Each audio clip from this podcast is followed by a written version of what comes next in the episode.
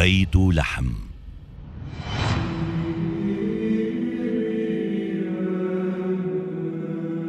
مسقط رأس السيد المسيح عيسى بن مريم عليهما السلام.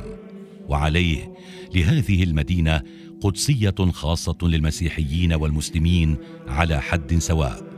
فهذه المدينة تضم أحد أهم الكنائس في العالم بأسره وهي كنيسة المهد التي بنيت فوق الكهف أو المغارة التي يعتقد أن السيد المسيح عليه السلام ولد فيها. كنيسة المهد أقدم كنيسة في العالم. فبعد أن أصبحت الديانة المسيحية هي الديانة الرسمية للدولة الرومانية. أمر الإمبراطور قسطنطين عن طريق والدته الملكة هيلانا ببناء الكنيسة عام 335 ميلادي. في ذات المكان الذي ولد فيه السيد المسيح وتضم الكنيسة كهف السيد المسيح وأرضيات من الرخام ويزين الكهف أربعة عشر قنديلا فضيا والعديد من صور القديسين. وبنيت هذه الكنيسة وفق نمط معماري مقتبس من الحضارة الرومانية.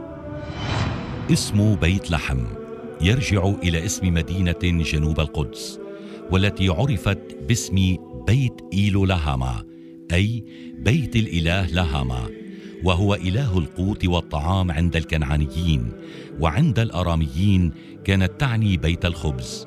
ولهذه المدينة اسم آخر بالأرامية وهو أفرات وتعني الخصب والثمار. بيت لحم مدينة كنعانية قديمة حيث سكنوها منذ حوالي الألف سنة قبل الميلاد. ثم توالت عليها مجموعات القبائل المختلفة العقائد. وبعد هذا نالت المدينة شهرتها نتيجة مولد السيد المسيح عليه السلام. هذه المدينة لم تكن أيامها وردية بل عانت ما عانته أرض فلسطين من الكثير من الغزوات الخارجية. ففي القرن الحادي عشر حوصرت المدينة من قبل الرومان.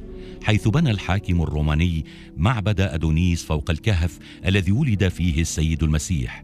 ويقال إنه بناه خوفا على الكهف من الاندثار وأنه كان مقتنعا للمسيحية في السر. بعد ذلك غزاها الفرس الذين حافظوا بشكل ما على المعالم الدينية في المنطقة حتى جاء الفتح الإسلامي لها. الذي أمن تلك المناطق ومنع أي أحد من إيذاء الأماكن المقدسة المسيحية. يعد زمن هارون الرشيد والدولة الفاطمية أحد أكثر عصور بيت لحم ازدهارا حيث كانت التجارة نشطة وكان الناس يتمتعون بالحرية الدينية إلى أن تمكن الصليبيون منها فعاثوا الفساد بين أبناء البلد الواحد حتى حررت عن طريق صلاح الدين الأيوبي. وبعدها دخلها المغول لكنهم طردوا على يد الظاهر ببرس وصولا للعثمانيين.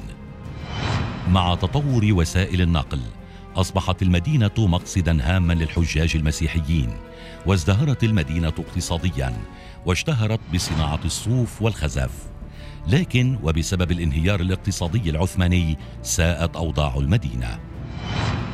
بعد الحرب العالمية الأولى وصل الإنجليز إلى المدينة.